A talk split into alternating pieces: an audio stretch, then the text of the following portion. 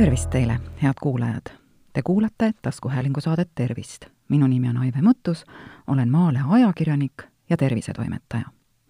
tänase saate teemaks on palavik. mis see on ning kas, millal ja kuidas palavikku ravida? saate ettevalmistamisel kasutasin lastearst doktor Marge Lenki ja perearst doktor Piret Roospuu avaldatud materjale. esmalt siis sellest, mis on palavik palavik on kehatemperatuuri tõus normist kõrgemale. see on haigusega kaasneva põletiku tunnus ja organismi loomulik reaktsioon haigustekitajate vastu. seega on palavik kaitsereaktsioon. liiga kõrge palavik võib aga muutuda organismile kahjulikuks ja isegi ohtlikuks. normaalne kehatemperatuur on keskmiselt kolmkümmend kuus kuni kolmkümmend seitse kraadi arvestada tuleb sellega, et kehatemperatuur on madalam hommikuti ja kõrgem pealelõunal kella nelja ja kuue vahel. kehatemperatuuri tasakaalustatakse naha kaudu kaotatava soojuse ja lihastes ning teistes kudedes toodetud energiavahetusega. keha kõrgemat temperatuuri alandab organism veresoonte laienemisega ja higistamisega. temperatuuri aitavad tõsta lihasvärinad ehk siis vappekülm ja veresoonte ahenemine käed ja jalad tunduvad siis külmana. Imikutel ja väikelastel võib kehatemperatuur tõusta ka nutmise ja ülekuumenemise, samuti liiga soojalt riietumise või väga soojas ruumis või keskkonnas viibimise tõttu. kõige tavalisemad palaviku põhjused lastel on just mitmesugused ägedad haigused. naistel tõuseb kehatemperatuur pärast ovulatsiooni null koma viis kraadi pärast füüsilist pingutust või saunas käimist on samuti inimese kehatemperatuur normist kõrgem. palavik võib olla seotud infektsioonide, kasvajaliste protsesside või immuunsüsteemi häiretega. vanematel inimestel võib haigusega tekkida aga vastupidine reaktsioon, alapalavik, see tähendab, temperatuur langeb alla normaaltemperatuuri. palavikuks loetakse kehatemperatuuri kaenla alt mõõdetuna üle kolmekümne seitsme koma nelja kraadi, pärakust mõõdetuna üle kolmekümne kaheksa koma ühe kraadi, kõrva-kuulmekäigust mõõdetuna üle kolmekümne seitsme koma kuue kraadi ja suust mõõdetuna üle kolmekümne seitsme koma kaheksa kraadi. üldiselt aga ollakse harjunud rääkima just kaenla alt kraaditud kehatemperatuurist palavik võib olla vahelduv, see tähendab palavikuperioode, perioodide vahel on kehatemperatuur normis. kõikumine siis on kuni kahe kraadi ulatuses. või pidev, see tähendab, et palavik püsib ühtlaselt kõrgetel väärtustel. tegemist võib olla ka septilise palavikuga, mille korral vahelduvad kõrged palavikuhood vappekülmaga. ja palavikku jaotatakse veel subfebriilseks ehk väikeseks palavikuks, mis on alla kolmekümne kaheksa kraadi, ja palavikuks ehk febriilseks kehatemperatuuriks, mis on siis üle kolmekümne kaheksa kraadi. nagu kuulsite, on kehatemperatuuri mõõtmise piirkondi päris mitu ja igaüks saab endale leida kõige sobivama viisi. kuidas siis nendest kohtadest palavikku või kehatemperatuuri õieti mõõta? Temperatuuri mõõtmine pärakust on kõige täpsem, kiirem ja sobib hästi imikutele. mõõtmistulemuse saate umbes ühe minuti jooksul. kraadides last pärast ravimite andmist on oluline teada, et, kui pärasooles on palju roojamasse, avalduvad temperatuuri muutused aeglasemalt. kui kraadite pärakust ja kraadiklaas näitab kolmkümmend kaheksa kraadi, mis on null koma viis kraadi kõrgem kui kaenla alt klaadides, siis kaenla alt mõõtes oleks sama tulemus, kui lahutate kolmekümne kaheksast null koma viis kraadi ehk siis kolmkümmend seitse ja pool kraadi. kuulmekäiguste kõrvaaugust temperatuuri mõõtmine on kiire, mugav ja sobib peaaegu kõigile, kuid vajab spetsiaalset termomeetrit mõõtmise tulemuse saate kolme sekundi pärast. ja ärge üllatuge, kui saate kummastki kõrvast erineva temperatuuri. siis tuleb lihtsalt mõõtmist korrata temperatuuri mõõtmine kaenla alt on vana ja kõige enam läbiproovitud meetod, kuid aeganõudev. inimene peab olenevalt kraadiklaasist kolm kuni viis minutit paigal püsima. ja kui te olete väga higine, tuleb kaenlaalust enne kraadimist veidi kuivatada. kindlasti peate kontrollima, et kraadiklaas oleks korralikult kaenlaaugus ning veenduma, et kraadiklaasi ja keha vahele ei jää riideid. muidu on tulemus ebatäpne temperatuuri võib mõõta ka suust. ja see on mugav, kuid õige temperatuuri siis tulemuse saamiseks tuleb meeles pidada, et lutitaolise termomeetriga kaardides peab imik seda lutti siis tõesti ka korralikult imema. ta ei tohi samal ajal nutta ega läbi suu hingata. ja soovitav on, et laps vahetult enne kraadimist ei sööks. oluline on meeles pidada ka seda, et teistsuguseid termomeetreid, kui neid lutte ei või imikute ega väikelaste suust kraadimisel kasutada, sest nad võivad kraadiklaasi katki hammustada kumbaga eelistada kas digitaalset termomeetrit või klaasist kraadiklaasi. digitaalse termomeetriga saate tulemuse ruttu, kuid tuleb arvestada, et elektroonika on hästi tundlik ja korduvatel mõõtmistel võite saada erinevaid tulemusi. Samuti tahab enamik digitaalseid termomeetreid kahe mõõtmise vahel veidi puhata klaasist kraadiklaasid on aegade jooksul kindlalt läbi proovitud, kuid veidi aeglasemad. Nad võivad kergesti puruneda ega sobi temperatuuri mõõtmiseks suust.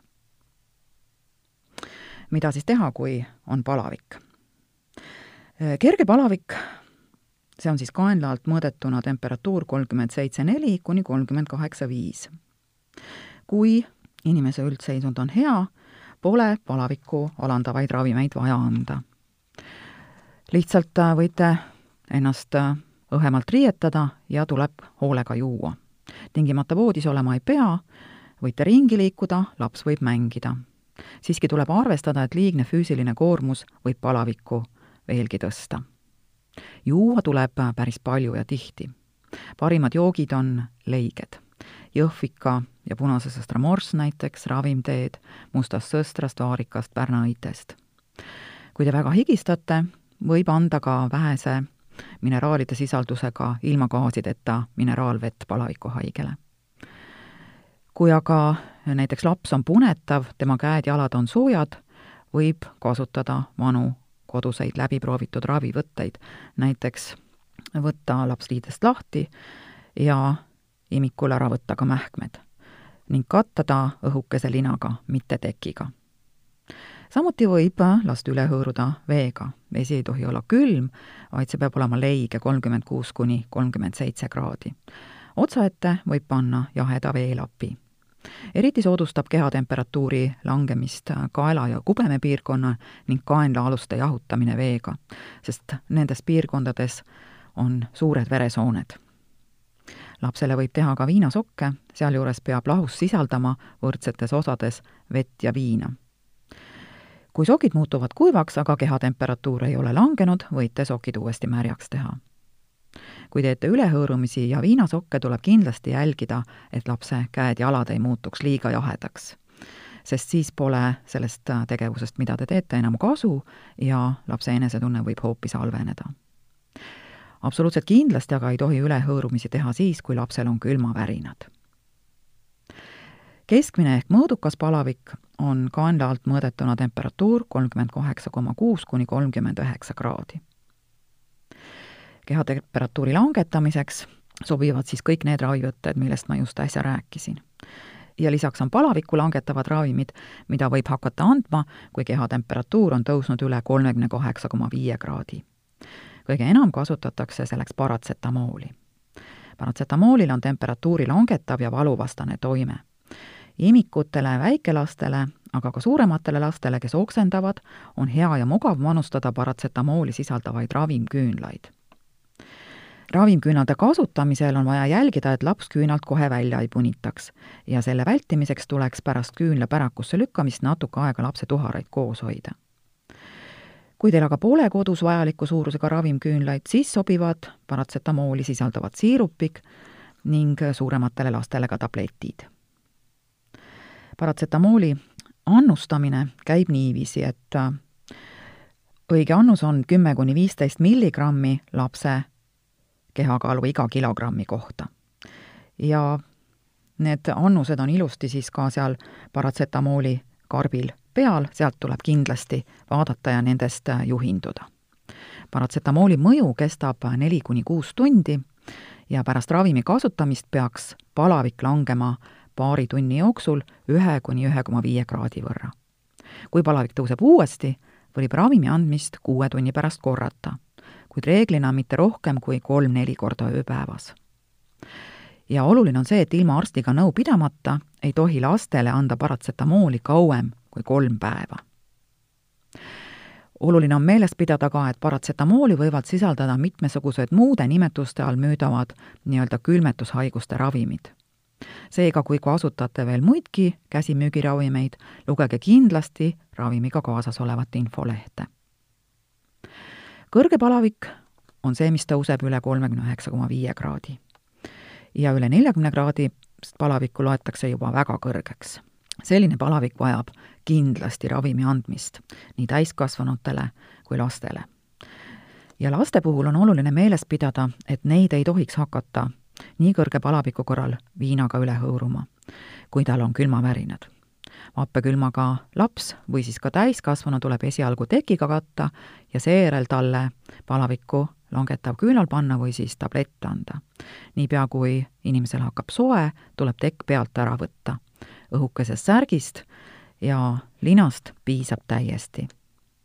kui aga laps on kahvatu, tema käed-jalad on jahedad keha tulikuum ja temperatuur tõuseb kiiresti, on oht palavikukrampide tekkeks. kahvatut ja jahedat last ei tohi leige veega ega viinaga üle hõõruda. tuleb anda palavikku langetavat ravimit ja katta laps soojalt kinni. lapse käsi-jalgu võib veidi hõõruda, et vare, veri paremini ringi käima hakkaks. Alles siis, kui lapse nahk muutub roosaks, võib teha palavikku langetavaid ja jahutavaid protseduure ja jälgige ka seda, et kõrge palavikuga haige saaks rohkelt juua. kehatemperatuuri tõus ühe kraadi võrra suurendab organismi ved-, vedeliku vajadust kümne protsendi võrra. seega, kui teil on palavik üle kolmekümne üheksa kraadi, vajate te vedelikku kuni kolmandiku võrra rohkem kui tervena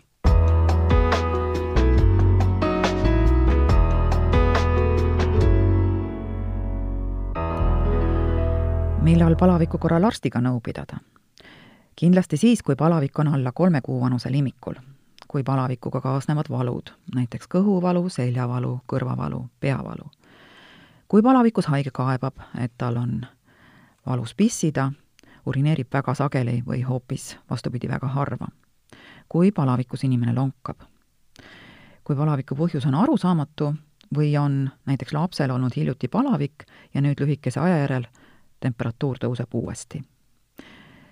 arstiga peaks rääkima ka siis, kui palavik püsib rohkem kui kolm päeva või kui pikemat aega püsib väike palavik. ja kindlasti tuleks rääkida ka siis, kui lisaks palavikule esinevad veel hingamisraskus, peavalu, varguse kartus, pidev oksendamine, kõhulahtisus või tasa, tasakaaluhäired. ning veel, arstiga tuleb nõu pidada ka siis, kui vaatamata teie püüdlustele palavik ei ole langenud alla kolmekümne kaheksa koma viie kraadi. lastele on mõnikord vaja palaviku korral kutsuda kiirabi. millal seda teha tuleks? kindlasti siis, kui laps on loid, tema kehatemperatuur on üle neljakümne kraadi ja kõrgem. kui laps oksendab või on uimane, hingab raskelt, kähisevalt või kõõksuvalt või kui palavikus lapse nahale tekivad verevalumid. ning kindlasti ka siis, kui lapsel on krambid.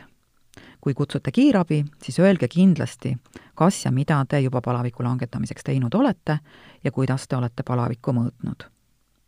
ning kui juhtub nii, et lapsel tekivad palavikukrambid, siis ärge takistage lapse liigutusi, kuid jälgige, et ta ennast krampides äh, olles ei vigastaks, ennast kuhugi millegi vastu ära ei lööks. keerake laps külili, vabastage tema kaelus, et hingamine oleks vaba. ärge talle midagi juua pakkuge ja ärge püüdke ka midagi suhu panna. kindlasti ei tohi sellist last jätta järelevalveta. ja olge valmistunud selleks, et pärast krampi võib lapsel tekkida sügav lühiajaline uni. oluline on teada, et kui krambihoog on juba alanud, ei ole võimalik seda peatada. krambihoo ajal inimene ei hinga südamemassaaž või suust suhu hingamine aga ei ole vajalik. ja kuidas leida kinnitust oma tegevusele? kõigepealt teadke, et palavik ei lange enne, kui haigus hakkab taanduma või organism haigustekitajatest jagu saama. seega on palaviku langetavaid tegevusi vaja võib-olla mitu korda korrata. ja püüdke säilitada rahu. kui te olete rahulik, tunneb ka palavikuhaige ennast paremini.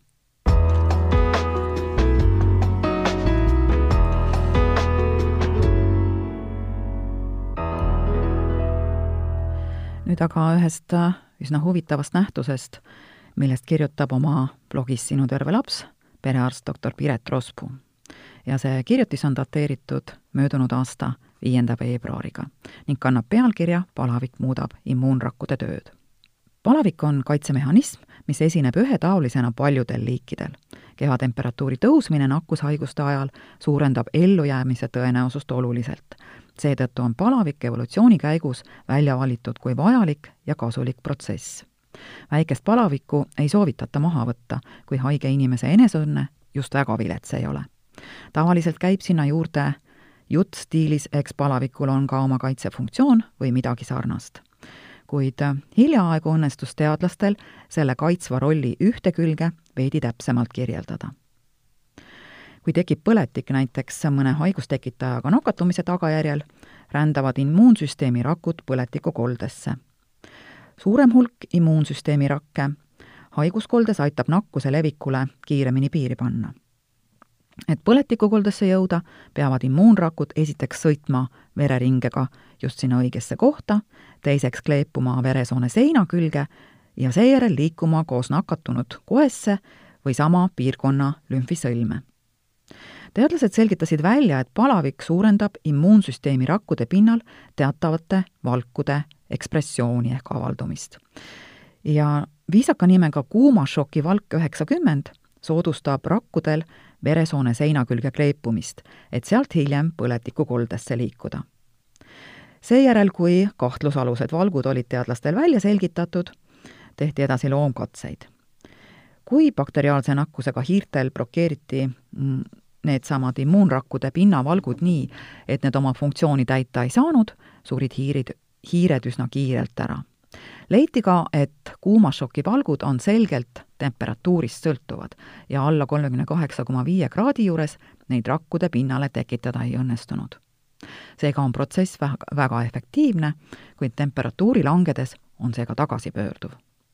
uurijad usuvad, et ka teised tegurid peale palaviku võivad kuumašoki valkude raku pinnale tekkimist esile kutsuda, näiteks autoimmuunhaigused või kasvajad autoimmuunhaiguste teket võib soodustada vigane kuumašoki valkude ekspressioon ja sellest tingitud immuunrakkude vigane liikumine erinevate organite vahel. kas see oletus aga ka paika peab, tuleb veel täpsustada. kokkuvõtteks, ega see rakkude ja valkude nimetuste teadmine meid väga palju tavakodanikena edasi ei aita.